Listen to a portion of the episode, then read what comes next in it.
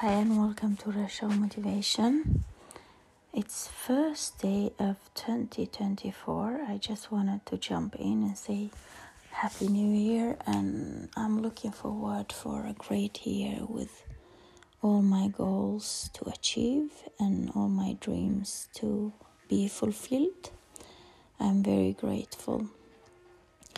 The first goal I have is to find a nice and kind person to live in with me here for helping me economically so I can focus on study and my income will be easy and I will focus on my studies and I feel good.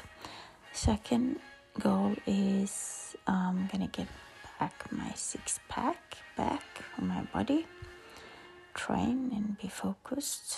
Third is my music to do at least two singles this year, and my book to write about love, and my income streams so I can have be financially free. Work to have not to have to choose to and be focused on personal development and most importantly i can create event with racial motivation as a dj rachel and go around and yeah in different cities and will be so grateful to have that to give me the opportunity to connect with others may change life to this event will be about Racial Motivation event will be about the motivational speaker, DJ, dance, and all good energy. And I'm looking forward for it. This is my goals for 2024 and trip.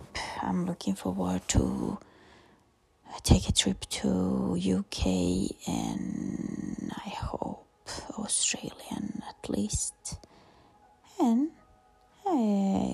Income allowed me, United States for event will be awesome.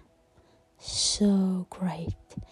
Thank you 2024. I'm looking forward for more and I'm grateful for a state stable of state of mind and state of emotional go through my daily life in balance and focus on growing and I am so looking forward for it. Thank you. Bye bye. Until next time, Racial Motivation is my information. Let's get celebration for my education. Only love. Vision and mission. Vision and mission. Education, celebration, transformation, information. Let's go. Yeah, get fire. Till Racial Motivation. Eh, andra episod för eh, det nya året, januari. 2024. Jag läser en, eh, en väldigt intressant bok, eh, Den rikaste mannen i Babylon. Och eh, det är väldigt lärorikt och väldigt kloka råd och tips. Ett stycke som jag läser av, det är Den bunden som förstår djurspråk. Och bunden brukade lyssna på djuren varje kväll när han lämnade dem till stallet. Eh, och i denna eh, stycke, en kväll hörde han oxen beklaga sig för åsnan över att stränga, eh, sitt stränga arbete.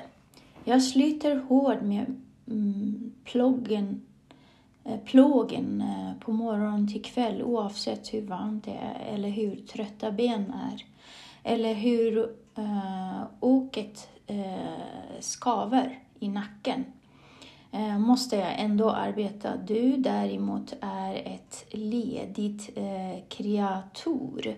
Du har en färggrann filt över dig och gör inte mer än att bära runt vår husbunde vart han nu ska. Uh, om han inte ska någonstans ville du arbeta det gröna gräset och betar i det gröna gräset eh, dagarna i ända.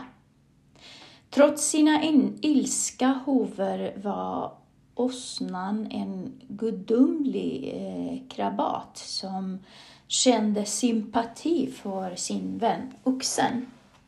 Min gode vän, sa han, du arbetar i sanning hård och jag skulle vilja hjälpa dig. Där, därför ska jag berätta hur eh, du kan få en dags vila.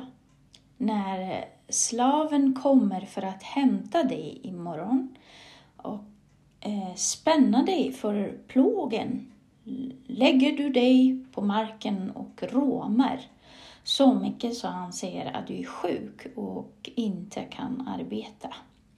Oxen lydde åsnans råd och nästa morgon återvände slaven till bonden och sa eh, honom att oxen var sjuk och inte kunde dra plågen. Nå, sa bonden, spänn då åsnan för plågen, för plågningen måste fortsätta.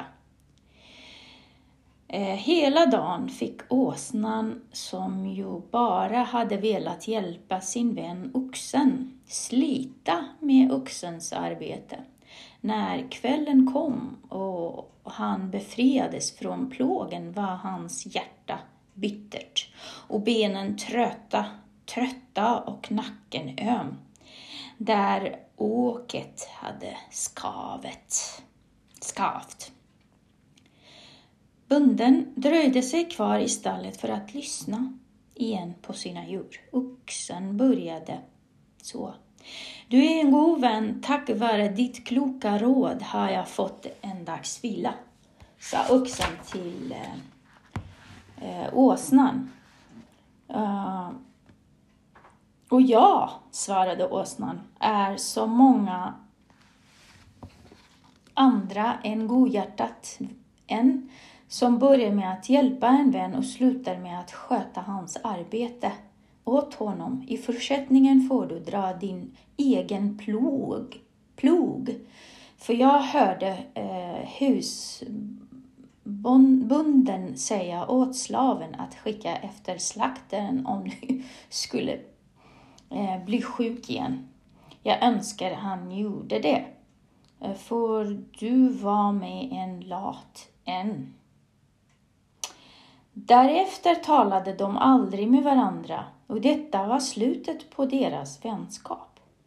Kan du säga mig scenmoralen i den här eh, eh historien eller situationen? frågade en man. Den här är en bra historia, svarade den andra kompisen eller vännen. Men jag ser inte lärdomen. Det trodde jag inte heller att du skulle, sa han. Men det finns där eh, och är väldigt enkelt. Den lyder så här. Om du vill hjälpa din vän, gör det på ett sådant vis att du inte tar på dig vännens bördor. Vilken härlig historia! Det här är, tycker jag, bäst stycket hittills i den här boken, Den rikaste mannen i Babylon som är världs, världskänd eh, för att den eh, ger ju eh, redskap eller eh, verktyg för att kunna eh, åstadkomma och förstå sin egen, eh, sitt mål i livet. Men visst, fantastisk berättelse, eh, rätt intressant. Med detta sagt så tackar jag för denna avsnitt av mm, Resha Motivation och um, lärdom kan jag kalla den för. Uh, lärdom och hjälpa en vän men inte ta vännens bördan på sig. Med det säger jag tack och ha en skön helg. Hej hej!